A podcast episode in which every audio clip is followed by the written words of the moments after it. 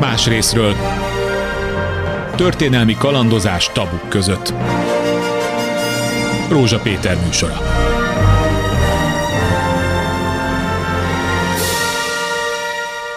Jó napot kívánok, párbeszéd, ez a kulcs szó, de nem akármilyen, mondhatnám titkosnak, mondhatnám elfeledetnek, mondhatnám bizonytalannak, mondhatnám sok mindennek, egy olyan párbeszédről lesz szó, egy olyan történelmi korszakban, ahol ez rettenetesen érzékeny volt. A második világháború után, a holokauszt után Magyarországon, nem is annyira az új szocialista rendszer legelején, hanem a későbbi korokban, vajon hogyan alakult a Magyarországon megmaradt zsidók, és nem zsidók, vagy keresztények közötti kapcsolat. Ennek milyen vetületét találjuk meg az egyházak és a zsidóság kapcsolatában, sehol nem található, illetve most már igen, mert, és első beszélgető társam is ő, Novák Attila, a Közszolgálati Egyetem tanára és a Goldziher Intézet munkatársa az állambiztonsági szolgálatok levéltárában akadt rá, Szerbusz Attila, Szervusz. azokra az iratokra, amiből rekonstruálni tudod, hogy a keresztény egyházak tettek-e tétova lépéseket, hogy a borzalmas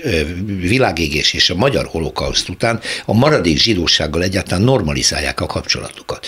No, hol kezdjük ezt a történetet? Rögtön a háború után van-e, van-e ennek nyoma?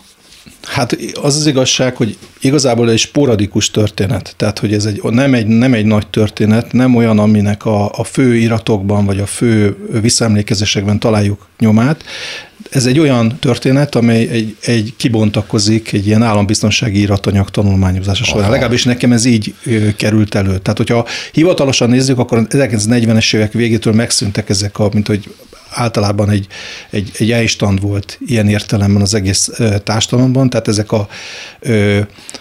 a, zsidóságot is visszaszorították, az állam visszaszorította, a katolikus egyháznak egy külön problémája, vagy problémája finoman fogalmazva, Vincenti per, és a többi egy lefagyott állapotban lévő társadalomról beszélünk, hogy ez 1970-es évek elejéig ez tulajdonképpen nem oldódott meg, illetve a 60-as évek végén, amikor megkötötték a, a Vatikánnal a megállapodás, 1964-ben, akkor ez enyhült, hát de igen, igazából nem nagyon volt. Hát hogy ne, hát azért gondoljuk meg, hogy a másik világháború után mondjuk a 47-es 49-es fordulatot követően az egyháza megtűrt kategória, felszámolják a rendeket, az apácákat elküldik, tehát hogy egy nagyon durva leépítést él meg a hivatalosan eh, egyháznak tekinthető keresztény felekezeti rész, a zsidók meg alig maradtak. Hát igen, és ugye egy traumatizált közösség, amely a halottait gyászolta, elvesztett, nagyon sok ember meghalt, és nem a, hogy mondjam, tehát, hogy ez a típusú dialógus, ez nem nagyon kezdődött el. Voltak református, főleg a református egyházból kiinduló kezdeményezések, tisztességes kezdeményezések. Intézményes vagy ilyen egyéni akció? Hát a református egy zsinat 1946 májusában egy ugye egyfajta bűnbánatot tartott. Tényleg? 46-ban? 1946-ban. Szóval a Ravasz László, aki, aki hát tulajdonképpen egy eléggé több arcú figurája vagy vezetője volt a református egyháznak, de volt egy olyan harca is, ami ezt bűnnek tartotta. Uh-huh. Ugyanakkor ugye egyrészt benne is dolgoztak hagyományos antijudaista előítéletek, és a, az ő ellenzéke, a Berecki Albert ö, ö, próbált szorgalmazni kiegyezéseket, vagy egy ilyen dialógus kezdeményt a zsidósággal, amit ő a, pont a Berecki miatt ellenzett, mert a Bereckit az ő saját hatalmára hát veszélyesnek, veszélyesnek tartotta. tartotta. Igazából ezek egyoldalú dolgok voltak, mert a zsidóság is elvárt egyfajta ilyen bocsánatkérést. Ez nem volt hivatalosan így megfogalmazva, vagy nem tudom, bár volt, voltak ilyen újságcikkek a, az új életben a mondjuk a zsidóságnak a, a lapjában, de mégis azt várták, hogy itt egy egyértelmű bocsánatkérés következzen be. Ez tulajdonképpen a református egyházba félig meddig is következett, ugye egy több, több fórumon, bár pont a Ravasz volt az, aki ezt az egészet azért azt mondta, hogy teljesen is kollektíve nem szabad, vagy nem mm, hajlandó. Tehát, hogy a felelősséget ne a reformátusok hát igen, el. Igen, tehát hogy itt, igen. A katolikus egyháznál ez érdekesebben alakult a viszony, mert ha valaki megnézi azokat a jegyzőkönyveket, a püspokkari jegyzőkönyveket, ott bár jelen van a mondjuk a tragédia iránti hát mondjam, megrendültség. Szom, megrendültség, de, de az is egyrészt ott is jelen vannak az antijudaista előítéletek, kettő, egy olyan szál is van, amit hát én megírtam ebben a régióban megjelent tanulmányokban, hogy reklámozzam itt saját magamat. Hát, hogy is mondjam, a, korabeli kommunista politikában is egyfajta ilyen zsidó, zsidó politikát láttak, de ez nem volt ilyen, ilyen direkten kimondva, csak az, hogy a zsidóságnak is hát azért helyre kell tenni egy-két dolgokat, ellenünk dolgoztak, és a többi, és a többi. Tehát Ezt arra értették, hogy a háború után... Háború előtt is, a, ugye ez egy nagyon hagyományos, a, ami a zsidóságot a liberalizmussal, a szabad Igen, különbességgel, stb. az egyházelnökség azonosítják, és aztán a kommunista párttal kapcsolatos egyébként ettől teljesen függetlenül harcok, hiszen a kommunistáknak a zsidósággal is voltak problémáik, mint minden ilyen vallási csoporttal, de ezek tükrözöttek ezekben az iratokban, tehát nem nagyon, nem nagyon indulhatott, tehát van egy traumatizált közösség, és van egy ilyen, egy ilyen nagyon régi módi, nagyon problémákkal terhelt, magával szembenézve nem tudó, de egy, támadások alatt álló keresztény felekezet, vagy tulajdonképpen felekezetek, hiszen ez mindegyiket érintették ezek az események, és ez nagyon, és aztán jön, a, jön aztán 1948-49, amikor ez az egész dialógusnak nevezett valami, valami ezt, ezt elfolytják, ugye főleg német mintára azért beindulnak kezdeményezések, ugye írom is, hogy vannak ilyen ö, ö, mindenféle tanácsok, meg amiben szerepelnek lelkészek, stb. És hát aztán a később meg, később meg aztán 56 után, 50-es évek az a teljes lefagyás, tehát ott a társadalom egy teljesen lefagyott állapotban van. 56 után és a második vatikáni zsinattól nem függetlenül indul el, katolikus részről próbálkozás, ezek különféle egyéni iniciatívák részén három emberhez köthető, nem tudom, beszéljünk róla most vagy később, Szerintem érdemes lenne megemlíteni, mert tehát akkor ez is sporadikus, és nem pedig egy püspöki nem lehet, tudni, hogy mi tör, nem lehet tudni, hogy mi történt, szóval, hogy, hogy itt azért nem a internet korában vagyunk, nem lehet hogy teljesen, nem, nem teljesen rekonstruálni a dolgokat, találunk bizonyos nyomokat. Az biztos, hogy a, van egy Bakonyi Gyula nevű egri plébános, aki valószínűleg a Brezonóci Pálnak a ö, ugye az egri apostoli kormányzó, érsek, stb. Az ő, valószínűleg az ő üzenetét tolmácsolja, ő megkeresi a, megkeresi a, a Sós Endrét, a, a, a, a Miok és a Bich ö, ö, elnökét. Ez a Magyar Izraeliták, Magyar Izraeliták országos képviselőt, a Budapesti Izraelit a hitközség, ugye ez a Miok, ez egy, ez egy egységesített, az ortodoxiát és a neológiát szóval besöpörték.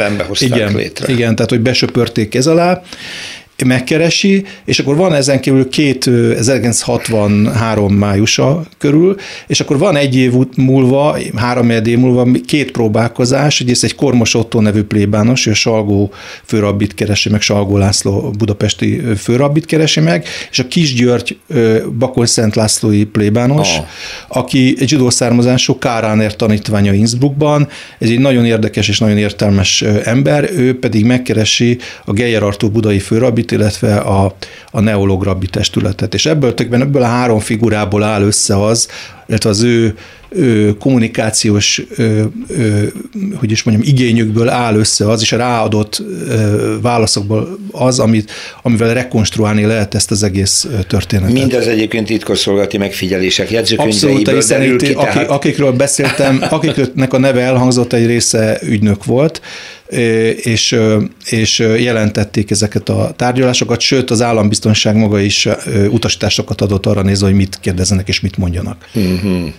Akkor ennek semmi visszhangja nincsen, ezek próbálkozások voltak, és egyben szondázás is, hogy az egyik fél mit gondol a másikról, lehet-e valami közeledés. Igen, van, tehát valószínűleg a Kis György az nem volt ügynök, és, a, nem. Nem tudom, és, a, és, a, és, a, és szerintem a többiek is, nem tudom, hogyha még hogyha azok voltak, akkor sem biztos, hogy csak ez motiválta, motiválta őket. őket. Itt van egy, beindul a, a katolikus egyházon belül egyfajta olvadás, hogy ez hmm. a vatikáni zsinatnak a szellem, és a magyar társadalomban is azért vannak bizonyos 60-as évek elején elindul egyfajta ilyen olvadás ennek több jele van, erről még beszélhetünk később, hogy, a, hogy 1962-ben a Szövosz konferenciára meghívnak két izraeli előadót, uh-huh. hogy kiadnak könyvet. A, ez az agrárlobbinak a... Szóval van ennek egy tágabb kontextusa is, a Vatikánnal is megindul egyfajta ö, ö, párbeszéd. Van egy 1958. júliusi párthatározat, ami szétválasztja a klerikális reakció elleni küzdelmet és a vallás elleni küzdelmet. Az azt jelenti, hogy már lehet finomítani,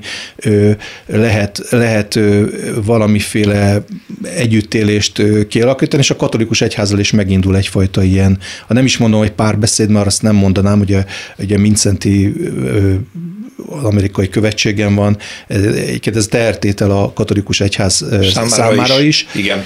De hogy ezzel valamit kezdeni kezd. Kell. És a vatikáni zsinaton részt vesznek magyar püspökök, hát egy jó részük informátor. De informátorok vannak a hit, hit is, Igen. és informátorok vannak az összes egyháznak a vezető testületeiben, tehát ez nem szorítkozik a katolikus egyházra önmagában. Igen, hát ugye a zsidó, tehát a miokon belül is nagyon miokon belül is. Főra, tehát ott, ott egyszerűen olyan penetráció penetráció volt, és nem, nem, nem csak az, hogy emberek jelentkeztek meg, hanem az állambiztonság behatolt, tehát behív embereket, meg, megzsarol, megfélemlít, Igen. és a többi, és a többi. Hát egy, ez egy ilyen elnyomott élet, a, ami alatt élt a társadalom. Akkor ebből még nem körvonalazódik, hogy társadalmi igényt elégítene-e ki, hogyha a keresztény egyházak a zsidósággal, a megmaradt zsidósággal jó viszonyra törekedjenek, hanem ezek ilyen tapogatózások, tapogatózások voltak, és az állam van mögötte. Tapogatózások, az, a tapogatózások, de azért elhangoznak olyan, ö, olyan mondatok és olyan szövegek a Kormosottó szájából és a Bakonyi ö, Gyula szájából is, hogy, hogy, hogy, hogy itt a katolikus egyház bűnöket követett el, Aha. vagy nem lépett föl, inkább azt mondom, hogy nem lépett föl elég eréllyel, tehát önkritika az mindenképpen elhangzott. És a hitközség az, az viszonylag nyitottan fogad támogatta a kezdeményezést, de, de alapvetően azért elzárkózott. Uh-huh. Tehát, hogy hogy a, ugye a Sejber Sándor, aki azért nem volt egy, egy, egyik célpontja volt a magyar ö, ö, állambiztonságnak, másik Borsa Mihály, aki a Központi Szociális Bizottságot vezetésének nagyon, nagyon érdekes figura, meg kisgazda államtitkár igen, volt a koalíciós igen. időszakban.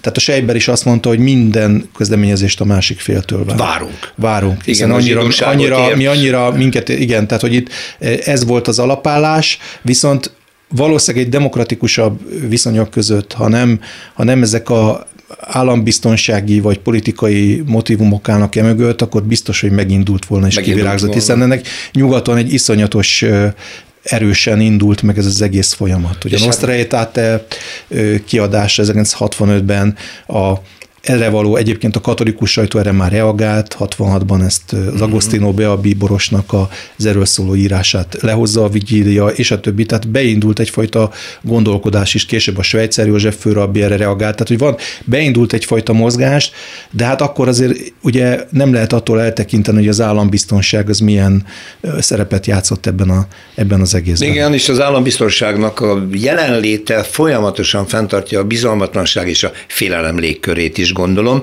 Ez azért eléggé áthatotta azokat, akik próbáltak valamiféle a nem a politikai fősodor mentén társadalmi kapcsolatokat építeni. Azt gondolom, hogy ezen a ponton kapcsolódjon be a beszélgetésünkbe Pap István történész, az állambiztonsági levéltár munkatársa, aki hallotta már az eddigi beszélgetésünket. Hát köszöntöm a stúdióban. Mi átugrottunk már a 60-as években. Így van. Attilával. És ugye ez azért nagyon fontos, mert az állambiztonsággal kapcsolatban ugye nagyon sok félreértés van mindmáig a történeti kutatások eredményei ellenére. Ugye bár ugye szóba került az, hogy ez egy olyan aktora volt a politikai rendszernek, amely ugye befolyásolta mondjuk így a társadalmi alternatívák keresését, de nem szabad elfelejteni az, hogy tulajdonképpen ez is csak egy szem volt a láncban, hiszen a magyar politikai rendőrség hasonlóan a korszak más országaiban működő politikai rendőrséghez a pártalami vezetés direkt politikai céljait, elvárásait fogalmazta meg, amelyek különféle párt határozatokban, párt állás, állásfoglalásokban testesedtek ki. És ugye ezeknek a lényege az volt, hogy nyilvánvalóan összhangban az MSZNP 1956 utáni politikájával azokat az ideológiai határokat igyekeztek pontosan kijelölni, kicövekelni, amelyek között a pártnak mondjuk így a szövetségi politikája, az életszínvonal politikája mozog, és ugye ezekhez igazították a kisebb politikai vagy alszektorokat, mondjuk így az agrárpolitikát, egyházpolitikát, gazdaságpolitikát, stb. És amire ugye utalt Attila, hogy a különböző egyházak kezelése is, ebből az indult ki, ebből a logikából indult ki, hogy lényegében 1956-ot követően valami fajta újratervezése, újra gondolása indult el a rendszernek, hiszen egy alapvető trauma volt a forradalom nem csupán a magyar társadalom számára, a halottak, sebesültek, menekülők számára, hanem a pártvezetés számára is belülről, hiszen nyilvánvalóvá vált az, hogy a hatalom gyakorlásnak és az ideológiának azt a módját, amely kisebb törésekkel, visszaesésekkel, de lényegében 1947-48-tól 56-ig érvényesült, nem lehet folytatni. Újfajta stratégiára, újfajta társadalmi ajánlatra, a politikai szövetség újra gondolására van szükség, Hiába van egy nagyhatalmú párt, hiába van itt a vörös hadsereg, mégis ez önmagában kizárólag nem elég a hatalom fenntartására, hanem figyelni kell a társadalom belül ezekre a mozgásokra, amit ugye előbb mm, Tehát, hogy ilyen finom hangolás kezdődik Így van, finom el. hangolás, igen, de ugye a dolog azért bonyolult, hogy úgy hangoljuk finomra, hogy közben azt mondjuk, hogy a szocializmus építése folyt Magyarországon 1945-től bizonyosan, de hogy 47-48-szor is. Tehát egyszerre... Nincs radikális szakítás az Így van, így van, ez nagyon fontos, ez nagyon fontos. Mondja ezt az MSZMP vezetése. Így van, így van, ugye nagyon érdekes ez, hogy ugye 62 az az év, amikor ugye a 8. párkongresszuson kimondják, hogy leraktuk a szocializmus alapjait. Igen, és akkor jön a bizonyos rehabilitáció, kiengednek börtönből embereket, van. hogy 62-63 körül Így már. van, igen, van egy, ezt ugye egy rehabilitáció, ami az 56-osok körét érinti, másrészt ugye kizárnak a párból hivatalosan embereket, ugye Gerő Ernőt, Rákosi Mátyás. Igen. Tehát tulajdonképpen... Van a múltnak is egy... Így van, jobbra és balra megpróbálják lehatárolni azokat a kereteket, amelyek között mozoghat a hivatalos politika, amelyhez, amiben beleférhetnek ezek az alternatíva keresések, és amely kereteknek az őrzésén ugye az állambiztonság is ügyködik. Most, ha jól emlékszem, ahol ez nagyon sikeres, a későbbi acélgyörgy tevékenységének is köszönhetően talán, hogy a művész és értelmiségi világgal hamar megköti a kompromisszumot a hatalom. Tudja, mit engedjen, és tudja, hogy mit tiltson. A a, utóbbiak ezt tudomásul veszik, hogy hol vannak a tiltások, megtanulnak sorok között olvasni, ez mind rendben van. A, a középrétegek és a munkások, az alkalmazottakat, az könnyű kezelni a hatalommal, abban mindig jó rutinnal működött, de ott vannak az egyházak. Mi történik? Ugye az egyházaknál, ahogy ugye utalt, ugye előbb is sor került erre, ugye teljesen különböző társadalmi pozícióban lévő egyházak vannak, és éppen ezért Ugye vannak hasonlóságok tulajdonképpen, de az egyházakon belül is vannak kiemelt területek, amelyekre nagyon figyelnek. Ugye az egyik ilyen az ifjúság gondozása. Ugye ez mindig az egyházon belüli? Igen, igen. Tehát amikor az egyházon belül szó kerül, általában akkor mindig egy kritikus pont, hogy kik azok a lelkészek, papok, rabbi. Ez a veszélyes. Akik Aha. ugye az ifjúsággal, tehát Akik a jövő híveivel foglalkoznak. Aha. Ugye nem véletlen például, hogy amikor 1967-ben az utolsó református egyházi per van, akkor az olyanokat érint, akik református ifjúsági mozgalmat próbálnak bizonyos keretek között szervezni, a korábbi keresztény ifjúsági egyesületnek a, a tisztségviselőit, mert ugye ez egy kritikus kérdés, hiszen ugye azt mondja bizonyos értékek a politikai racionalitás szintjén Kárál János, hogy a 60 éves fejkendős nénivel, aki évtizedeken keresztül járt templomba, már nem tudunk mit kezdeni. Ha ő elfogadja a szocializmus kereteit, akkor rendben van, de nyilvánvalóan a felnövekvő nemzedék az egy kulcskérdés. Ugye nem véletlenül van ifjúsági probléma a Kádár korszakban. Hiszen ugye soki... Hogy végig, tudj, végig, végig a rendszer. Tehát ez egy konstans dolog. Ugye ennek vannak, mit tudom én, persze beszélnek galerikről, meg beszélnek bitkorszakról, meg nem tudom én, beszélnek ugye csövesekről, huligánokról, stb., de ez lényegében ugyanannak az alapvető politikai ideológiai kérdésnek a tagolása, hogy a felnövekvő ifjúság számára milyen politikai ajánlatot tudunk tenni, hogyan tudjuk őket a rendszerbe integrálni, legalábbis olyan fokon, hogy tudomásul vegyék a fennálló fennálló állapotokat. Tehát ez azért elég jól működik, hogyha a vallási életet nézem, hát hiszen azért fiatalok ebben az időben sem a keresztény egyházakban, sem a, a, a zsidó hit, megmaradt zsidó hitközségekben nincsenek nagyon, nem?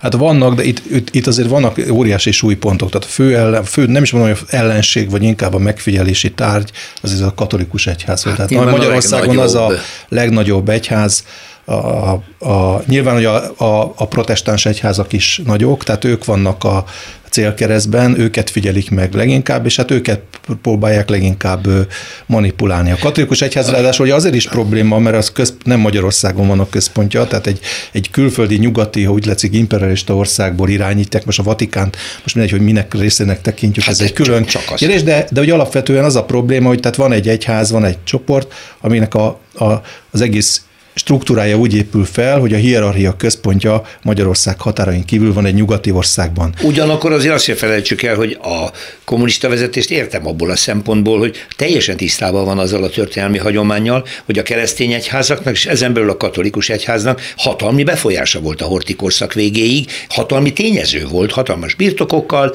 komoly politikai befolyással, de nyilván tarthatott attól, hogy ez a hagyomány azért nem tűnik el onnan, a, mondjuk a püspöki kar tagjai közül. Igen, ugye egy kollégám mondta egyszer, ugye nagyon viccesen, de bizonyos fokig találóan, hogy a középkorban ugye a püspökök kinevezése ugye a király jóváhagyásával történhetett meg, ugye ez volt az úgynevezett investitúra jog, és ez az investitúra jog valami módon belefért a szocializmusba. Tehát, hogy ugye van állami egyházügyi hivatal, Igen, van együttműködés, ugye a Vatikán, ugye ez a 64-es bizonyos részleges megállapodás. Ugye a Vatikán részéről is, ugye például a Kazaroli Bíboros vezetésével van egy újfajta keleti politika. Tehát nyilvánvalóan a hívőkkel, a vasfüggöny mögötti hívőkkel is ugyebár foglalkozni kell, és nyilván itt elindul ugye egy kölcsönös viszonyrendszer, ami ugye 71-ben, amikor ugye távozik, ugye egy kompromisszorelényként ugye Mincenti Bíboros ugye az amerikai követségről, és ugye betöltetlennek nyilvánítják ugye az Eszter primási széket, akkor nyilvánvalóan egy új, új fejezetet nyit. Másrészt ugye azért az is nagyon érdekes ez, hogy természetesen a vallásos világnézet elleni harc, illetve ugye amire Attila is utalt, ugye a reakció elleni harc, az ugye külön válik, de ugye számos olyan apró jele van az életnek, számos olyan apró területe, amikor ugyebár szembesül a vezetés azzal, hogy nagyon nehéz a több évszázados meggyökeresedett hagyományt lecserélni. Hogy mondjuk erre egy talán a nézők által is ismert példát, ugye Szabó István egyik ö, ö, ugye pályakezdő ö, ö, filmje, vagy első alkotása volt ugye a az álmodozások kora, Kora, amit igen. ugye sokan ismernek, és az álmodozások korában ugye van egy nagyon érdekes kettős jelenet, amikor ugye van egy baráti társaság, amelynek ugye egy fiatal mérnök tagja e- meghal, és ugye búcsúztatja a filmben Sinkovics Imre átalakított idősebb színész, és hát mond egy mondjuk egy materialista szellemű beszédet, és ezzel párhuzamosan meg egy egyházi temetés zajlik, énekekkel, pappal, kórussal. És nyilván ez egy finom művészi eszköz, amelyel a pályakezdő rendező utal arra, hogy itt két hagyomány van jelen a társadalomban. És a nézők persze eldönthetik, hogy melyik a méltóbb temetés, melyik az emelkedett, hol van a nagyobb spirituális lelki tartalom, Nyilván ezt a filmszereplő is eldöntik, és nyilván ez nem direkt eszközökkel van, a vá- nem ő kínálja fel az állásfoglalást, hiszen ez a művészet, de ez az, az az apróság is jelzi, hogy ez egy olyan dolog, és ezt ugye Kádár János is elmondja, hogy ezt nem lehet tulajdonképpen bunkós bottal leverni, a vallásos emberek ö, ö, ö, tömegével egyszerűen együtt kell élni, valami fajta stratégiát kell kialakítani számukra. Ugye nem véletlen egyébként, hogy amikor az át, átvizsgálják az állambiztonság nyilvántartását. Nem akarom a kedves hallgatókat olyan szavakkal bombázni, hogy operatív nyilvántartás, mert ez rettetesen hangzik. Magyarán az ellenségnek tartott emberek körét, akkor ugye 61-ben azt mondja Kádár, hogy ez nonsens állapot, hogy minden volt a pácát, minden volt szerzetes, pusztán azon az alapon, hogy ő tagja volt valamely rendnek, ellenségnek aha, nyilvánítunk. Aha. És ezt át kell rostálni. Ha ezek az apácák elmentek egy iskolába, nem tudom én, szövetkezetbe, hivatalba, stb., és rendesen végzik úgymond a munkájukat, akkor ez, ki kell őket venni a nyilvántartásba, el kell, venni, el kell fogadni azt a tényt, hogy ők ugye tulajdonképpen ö, ö, tudomásul vették a fennálló viszonyokat. Ugye másik kedvenc példám Örkény Istvánnak egy Olimpia című kisregénye, ami a 70-es évek elején jelenik meg, és arról szól, hogy egy volt apáca hogyan találja meg a számítását, hogyan kezd el dolgozni. Ugye ez abból a szempontból érdekes, hogy a magyar könyvkiadás ekkor már elbír egy ilyen ilyet. témát. Elbír egy mm. ilyen témát, és eljutunk például 1977-ig, Veri az ördög a feleségét, Persze. másik klasszikus film, ahol még egy Tihanyba játszódik, és búcsú van. Igen, és igen. ez Bereményi Géza egy okos forgatókönyvbe meg tudja írni. ezek nyilván nem nagy változások, tehát azért ehhez képest mondjuk, hogy mondjuk a 88-ban engedélyezik az első Szent Jobb körmenetet, ugye nyilván az egy nagyon nagy ugrás már, de ugye ez is, amire utaltunk, hogy ugye egy, egy nagyon ö, ö, meggyökeresedett hagyománynak, ami ho, nagyon hosszú ideje jelen van a társadalomban, a lecserélése, az, az nem történhet pusztán párthatározatokkal. Mi a, mi a, igen. De azt akarom ezt mondani, hogy azért ez a kétféle hagyománynak az elfogadása, vagy a régi, mondjuk a vallásos tömegek létének az elfogadását is mellette a, a tudományos szociális világnézetnek a, a, a, az együttélését, vagy a, a létjogosultságát, vagy nem létjogosult, uralkodó mi volt, tehát hogy ez a kettő egymás mellett mehet, azért az is megmarad, hogy azért az egyházak elleni harc azért az továbbra is megmarad. Meg. Tehát a 80-as években Maróti Lajos Kolostor című munkájában azért ott van a, a Panonha, ugye nem írják ki a neveket, mert ki lehetne írni, mert annyira azonosítható és annyira direkt az egész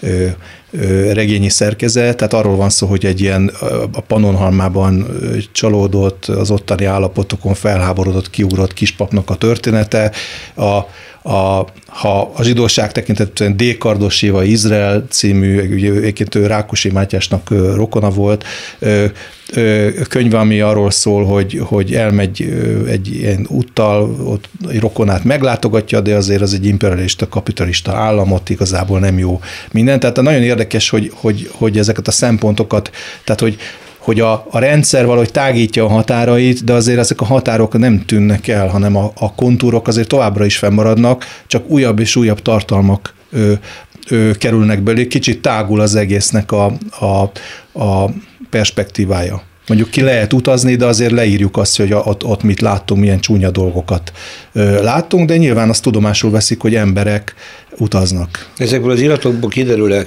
különösen a későbbi időszakban, hogy tulajdonképpen a kommunista vezetés, az MSZMP ideológiai körei antiszemiták. Én ebből, én ebből ezt nem... Izrael ellenesek, az rendben van, mert ez Moszkvától Igen. jön. Tehát amikor Moszkva észreveszi, hogy a fiatali zsidó állam nem a baloldali kommunisztikus úton fog felépülni, akkor ugye ellenségé válik. És akkor ilyet, ez kötelező.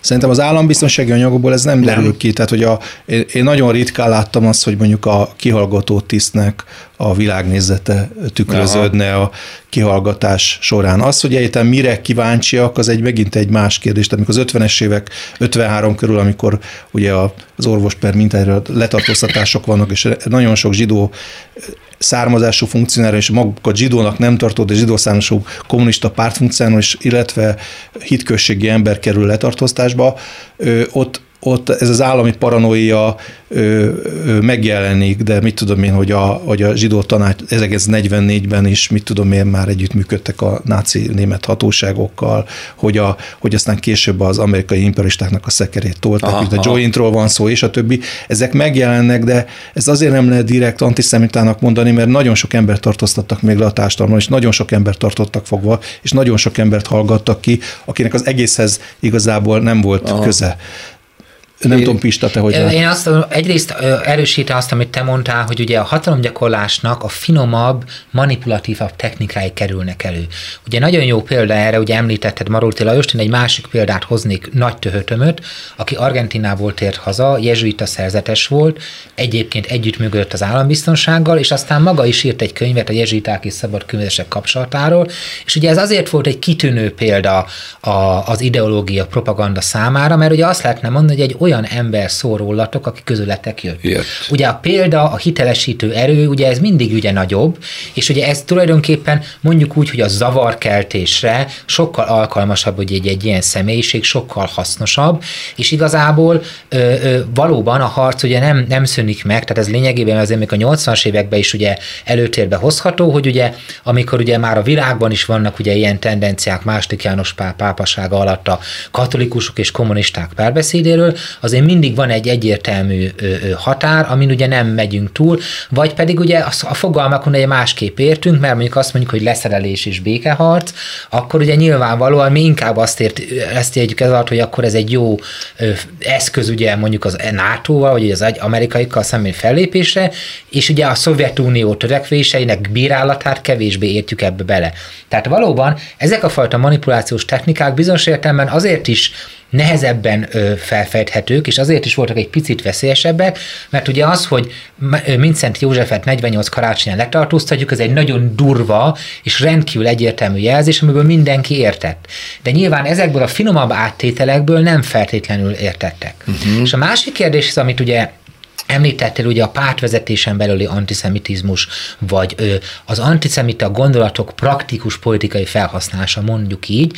Én azt gondolom, hogy ez valóban nem elsősorban az állambiztonság irataiból érthető meg, de azért az látható, hogy az MSZNP-n belül ez a, ez a problémakör, vagy ez a fajta politikai eszköz egyáltalán a témahoz való viszonyos, hogy időről időre ugye jelen van, és vannak olyan politikusok a pártvezetésben, akik úgy gondolják, hogy vannak olyan helyzetek, amikor ugye ebben lehet egy tulajdonképpen operálni, lehet ezzel ugye, ö, ö, ö, hogy is mondjam, ö, pozíciót nyerni. Ugye erre jó példa például Berec János, aki 1986-ban az Írószövetség közgyűlésén ugye ilyen célzásokat tesz ö, ö, konkrétan Csóri Sándor, Sándornak, hogy hát miért akarnak ők a Rákosi óvodába járt ellenzékerkel együtt működni, mikor itt van ő egy rendes szabócsi parasztfiú, úgymond.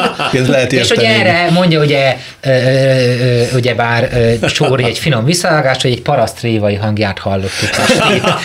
De most tehát e, ezt arra hoztam, hogy ez mint eszköz jelen volt, ugye tipikusan. Tehát, tehát maga Acél György is élt ezzel. Igen, tehát nem lehet azt mondani, hogy per definíción ez az antiszemita politikai gyakorlat volt, de amikor ezt zsarolásra, megosztásra lehetett használni. Ezt a kártyát elő lehet húzni. Ezt a kártyát elővették. Ezt mm. a kártyát elővették, és ez, ez, ez valóban így van. Ugye érdekes, hogy erről Fán Attila sokkal többet tudna mondani, hogy a 67-es év és a 67-es háborúnak a kezelése az egész Igen, kommunista blokkban. Tehát ugye más volt a magyar válasz, és a lengyel válasz például. Erről, igen.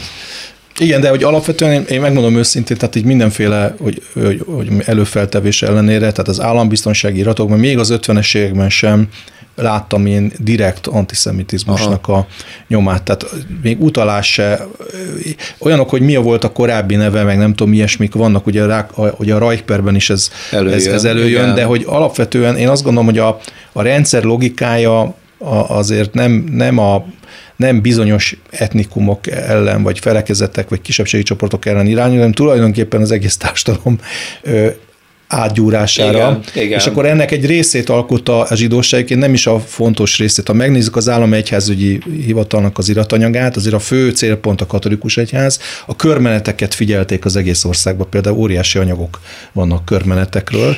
A református egyház is egy célpont. Ott egy kicsit már jobban, és az evangélius egyház ugye kisebb, jobban kötött Magyarországhoz, nem tudom, egy kicsit jobban tudják már irányítani, vagy kontrollálni, és hát a zsidóságot aztán ugye ott, ugye, ugye ott speciális körülmény van. A zsidóság ugye jó része maga is, ha nem is hálát érez, de jobban azonosulni tud a rendszerrel, hiszen, hiszen nagyon sokak életét megmentett a szovjet vörös hadsereg, felszabadították, stb. Van egy ilyen azonosulása a ezt nem mondom mindenkire, és természetesen, természetesen nem lehet mindenkire mondani, de más azért a viszonyulás, mint a katolikus egyház esetében, és egy, egy, egy kicsi megfogyatkozott a, az egyházüldözések, mert ugye, ugye perek zajlanak folyamatosan hitközségi funkcionálisok ellen, később rabbi képzősök ellen, stb. hatására egy rendkívül lecsökken, megfogyatkozott, úgy tetszik, kontrollálható közösség van, ahol az állambiztonság könnyen penetrál, könnyen, Igen, könnyen, hát könnyen egy teljes, teljes átfedést tud elérni. Egy olyan közösség, az emberek nem szívesen járatják oda a gyereket, hiszen mit szól a szomszéd, mit szól valaki, hogy járatja, hogy, hogyha én egy vallásos közösségbe járatom a gyerekemet, vagy ott van esküvőm, vagy stb., vagy főleg egy vidéki kisvárosban, akkor el kell menni egy másik helyre, hogy ne lássanak hajnalban, stb. Ez csomó ilyen stratégiát azért ki lehet venni az iratokból is. Eszembe jutott egy jelenet. A hatalom és a zsidóság viszonyában Más jelek is arra utalnak, hogy volt ilyen, hogy azért a politikai vezetés is úgy volt vele, és ez ugye a népi körökben is felelhető volt, hogy, hogy zsidóság békéjen már meg azzal, hogy felejtsük el, hát rég volt már, nem kell. A Látogatás című film, Bérévész László fantasztikus filmje, amikor Edith hazajön, van egy értelmiségi találkozó, ünneplik, ugye Brook Editet, az magyar írók köre, ott van I. és Gyula. Uh-huh És Edith mondja a fájdalmait, a család, az holokauszt, az elvesztett múlt, az elvesztett fiatalság, minden ugye Olaszországból először látogatott akkor haza, és akkor Éjésnek van egy mondata. Az Edith, el kell felejteni, meg kell bocsátani. Mondja ezt az elszenvedőnek, tehát az áldozatnak. És így, és azt én hivatalos szószólónak tekinthetem ebben, hogy ez volt az álláspont a politikai felső vezetésben. Jó van most már, nyugodjatok meg, meg, meg, meg megúsztátok mi itt, izé, biztonságot adtunk, most már nem kell, fe, nem kell már felemlegetni mindig mindent a régi időből, tehát ez azért megjelenik ebben a korszakban, nem? Ugye ez a depolitizálás általános légköréhez tökéletesen passzol. Tehát ugye tulajdonképpen ne hozzunk, ne hozzunk felszíre problémás ügyeket. Uh-huh. Tehát én azt gondolom, hogy ez abszolút igaz, ez amit elmondtál, viszont általában ö, érződik az, hogy egy fontos különbség szerintem a Rákos és a Kádár korszak gyakorlatában, különösen 1962-63 után, hogy ez a rendszer sokkal inkább egy olyan fajta, én nem szeretem ezt a szót, de nem tudok jobbat, hogy pragmatikus hatalomgyakorlási módokat vesz fel, amikor már nincsenek ugye nagy ideológiai kihívások részben, mert az ellenfeleket eltávolítottuk, a hatalmat biztosan gyakoroljuk, és igazából azt lehetne mondani, hogy míg a, ugye a Rákosi korszakban az emlékezetpolitikának, az irodalompolitikának, a történelmformásának rettetesen nagy jelentősége van, a Kádár korszakban ennek a lassú, biztos leépülése megkezdődik. Mm-hmm. És igazából a depolitizálási szándéka, nem emlékezés szándéka, a sokkal jobban passzol ebbe. Tehát ugye például az, mm. hogy ugye a fasizmus áldozatairól beszélünk, ugye mert igen, ez a kategória. Igen. Ugye ez egy tökéletesen elfeledő, elfeledő elfed. semmi kategória igen. bizonyos értelemben. Hiszen ugye hol húzzuk meg ennek a határait, hogy különböző, különbséget teszünk-e mondjuk munkaszolgáltatosok és deportáltak között, a munkaszolgáltatosokon belül is mondjuk a kommunisták, vagy a szociáldemokraták, vagy a zsidó között, akik bombá, akiket lebombáztak, azok is a fasizmus áldozatai például. Tehát ugye hogyan húzzuk meg ezt a kategóriát? És akkor ott a zavar, hogy a gulágra elvitt civilekkel végképp nem szabad foglalkozni, mert ez már a mi fasizmusunk bűne.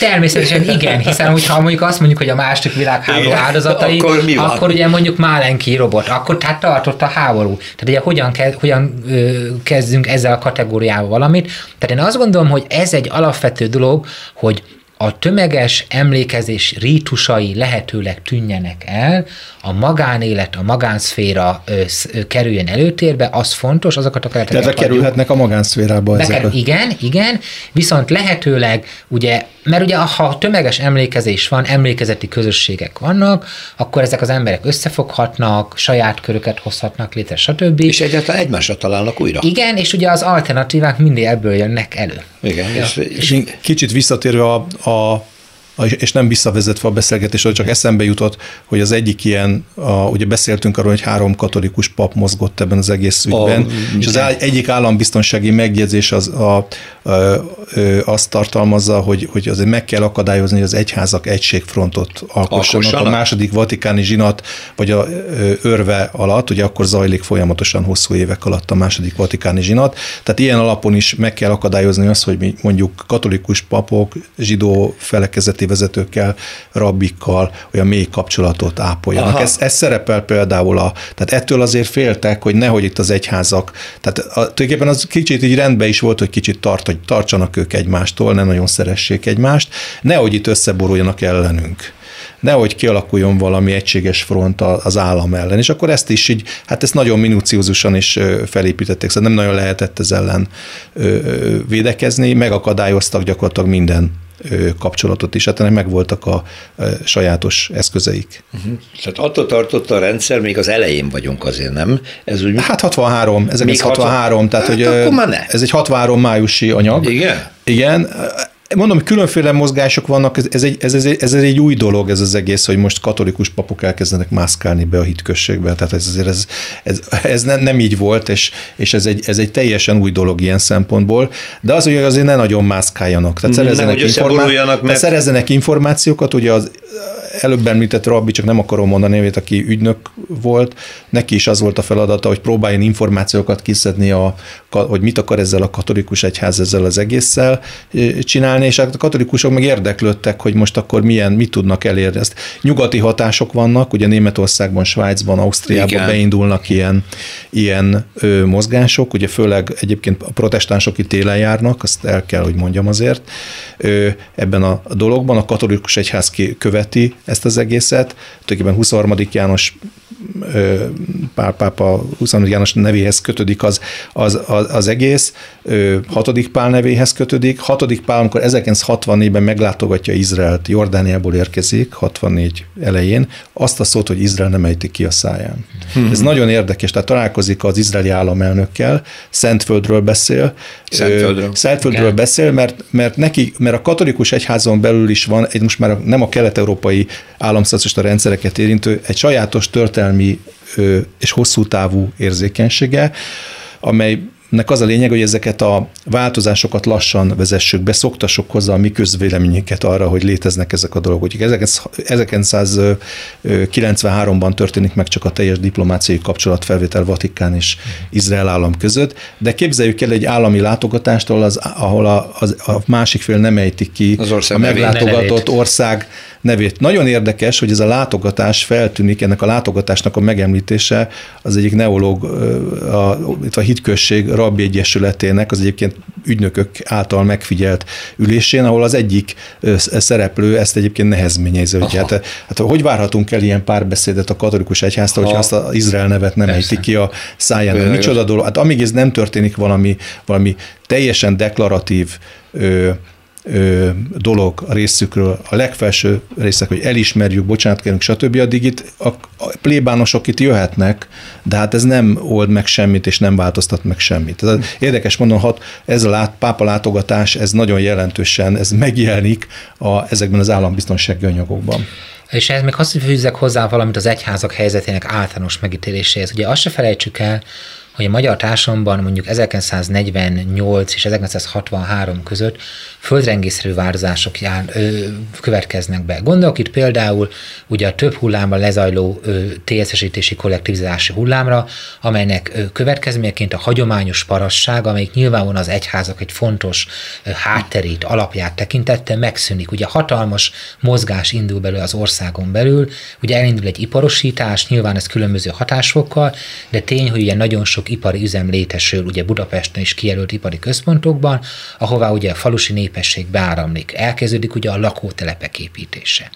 Ö, ö, nagyon sok esetben ugye ezzel párhuzamos ugye hagyományos városrészek felszámolása, Igen. megszűnik a tanyarendszer. Tehát ugye gyakorlatilag ugye az egyházaknak az alapját nagyon sokáig a népegyházi gyakorlat jelent, de magyarán én beleszületek egy felekezetbe, amiben a nagyapám, nem tudom én, apám, nagyapám, dédapám is benne volt. Ez ugye megszűnik ez a gyakorlat, és tulajdonképpen ugye úgy kellene újjászervezni nagyon sok esetben közösségeket, hogy az emberek teljesen máshol élnek már, mint ahogy ugye megszülettek. És nincsenek gyökereik. És nincsenek gyökereik. Ugye ez egy, ez egy nagyon-nagyon fontos kihívás.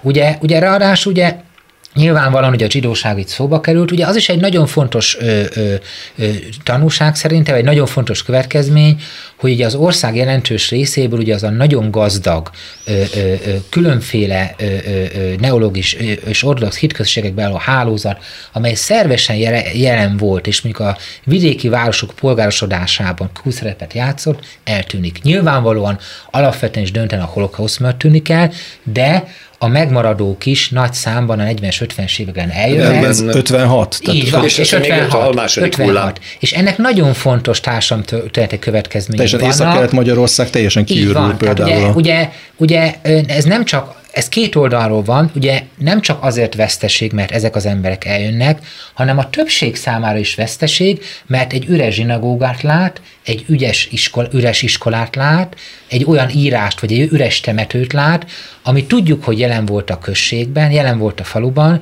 a mi hagyományunk része volt, és egyszer eltűnik. És nem tudunk mit csinálni, és a vége az lesz, hogy a gyerekek fociznak egy üres temetőben.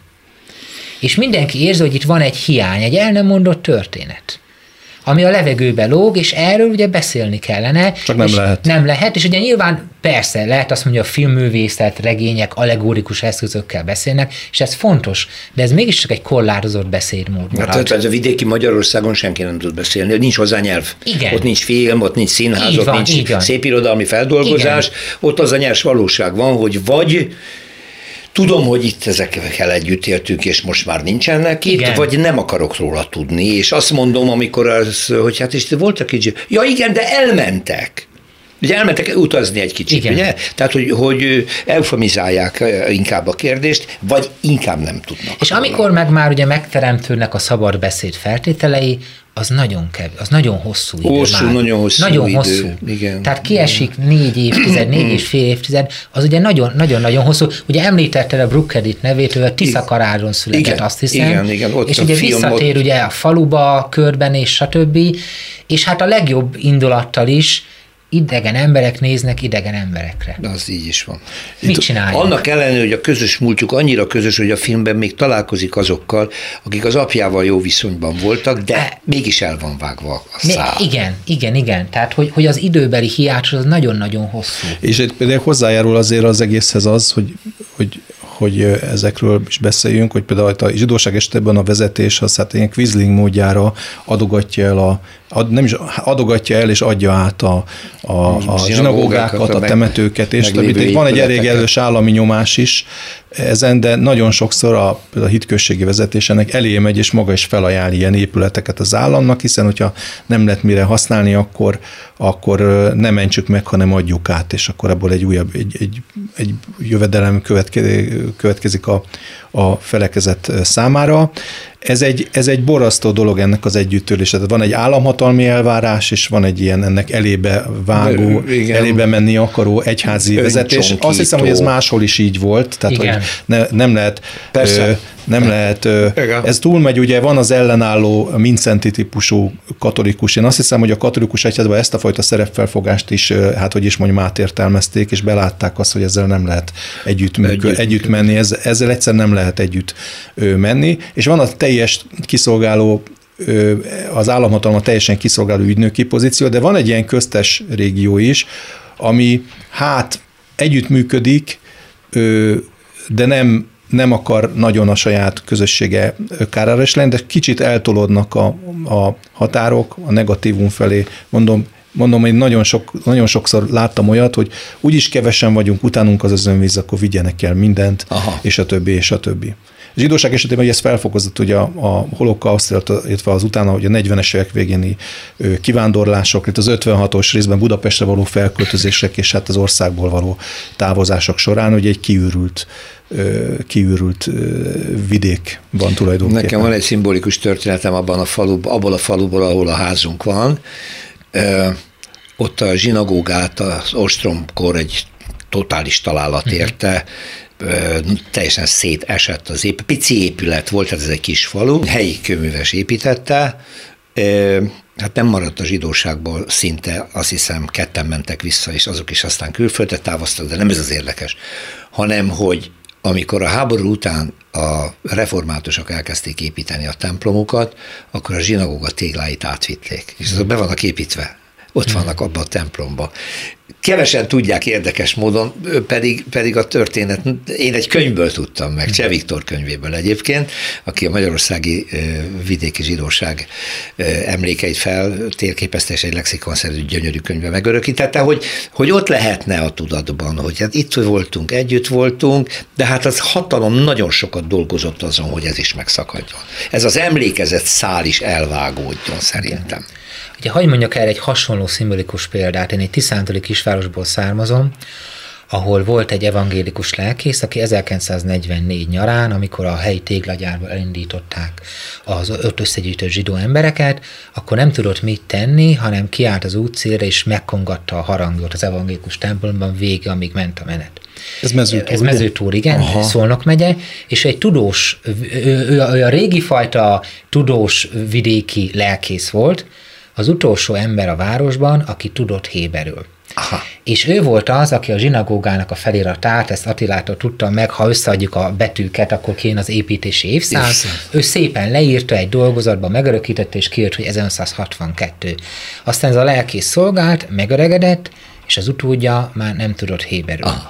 Ez egy veszteség. Ez mind a két félnek egy veszteség. Veszteség az evangélikusoknak, és veszteség volt a helyi zsidóságnak, és veszteség a város közösségének, hogy egy ilyen kaliberű ember eltűnt. És nyilvánvalóan az adott keretek között nem is lehetett kibé- kiképezni teológiai akadémiákon se ilyen embereket, hát az... hiszen ahhoz gondoljunk bele, el kellett volna menni nyugatra ösztöndíjjal, nyelveket beszélni, stb., elmélyülni egymás hagyományaiban, de hát nem ez volt a cél, hanem hogy a pont a kapcsolatok befagyasztása volt a cél. Tehát itt ezért mondom megint a manipulatív hatalmi technikát, hogy sok esetben a direkt tiltás egyértelmű viszonyokat tesz ö, lehetővé, viszont az ilyen finom akadályozás, kekeckedés, nehézkedés, megfélemlítés, az sokkal lassabban fagyasztja el ezeket a viszonyokat. De elfagyasztja. De elfagyasztja. Igen. Elfagyasztja, és ha egyszer elfagyasztotta, irgalmatlan nehéz ezt újjáépíteni. Azt hát így jutunk el a jelenhez. De most inkább még a múltról beszéltünk ebben a műsorban. Nagyon szépen köszönöm Pap Istvánnak az állambiztonsági történeti levéltár történészének és Novák Attilának a Nemzeti Közszolgálati Egyetem tanárának és a Goldziher intézet munkatársának, hogy itt voltatok. Köszönöm a figyelmet szerkesztőm Sonfai Péter nevében is. Jövő héten újra várom önöket a műsorban. Más részről. Történelmi kalandozás tabuk között. Rózsa Péter műsorát hallották.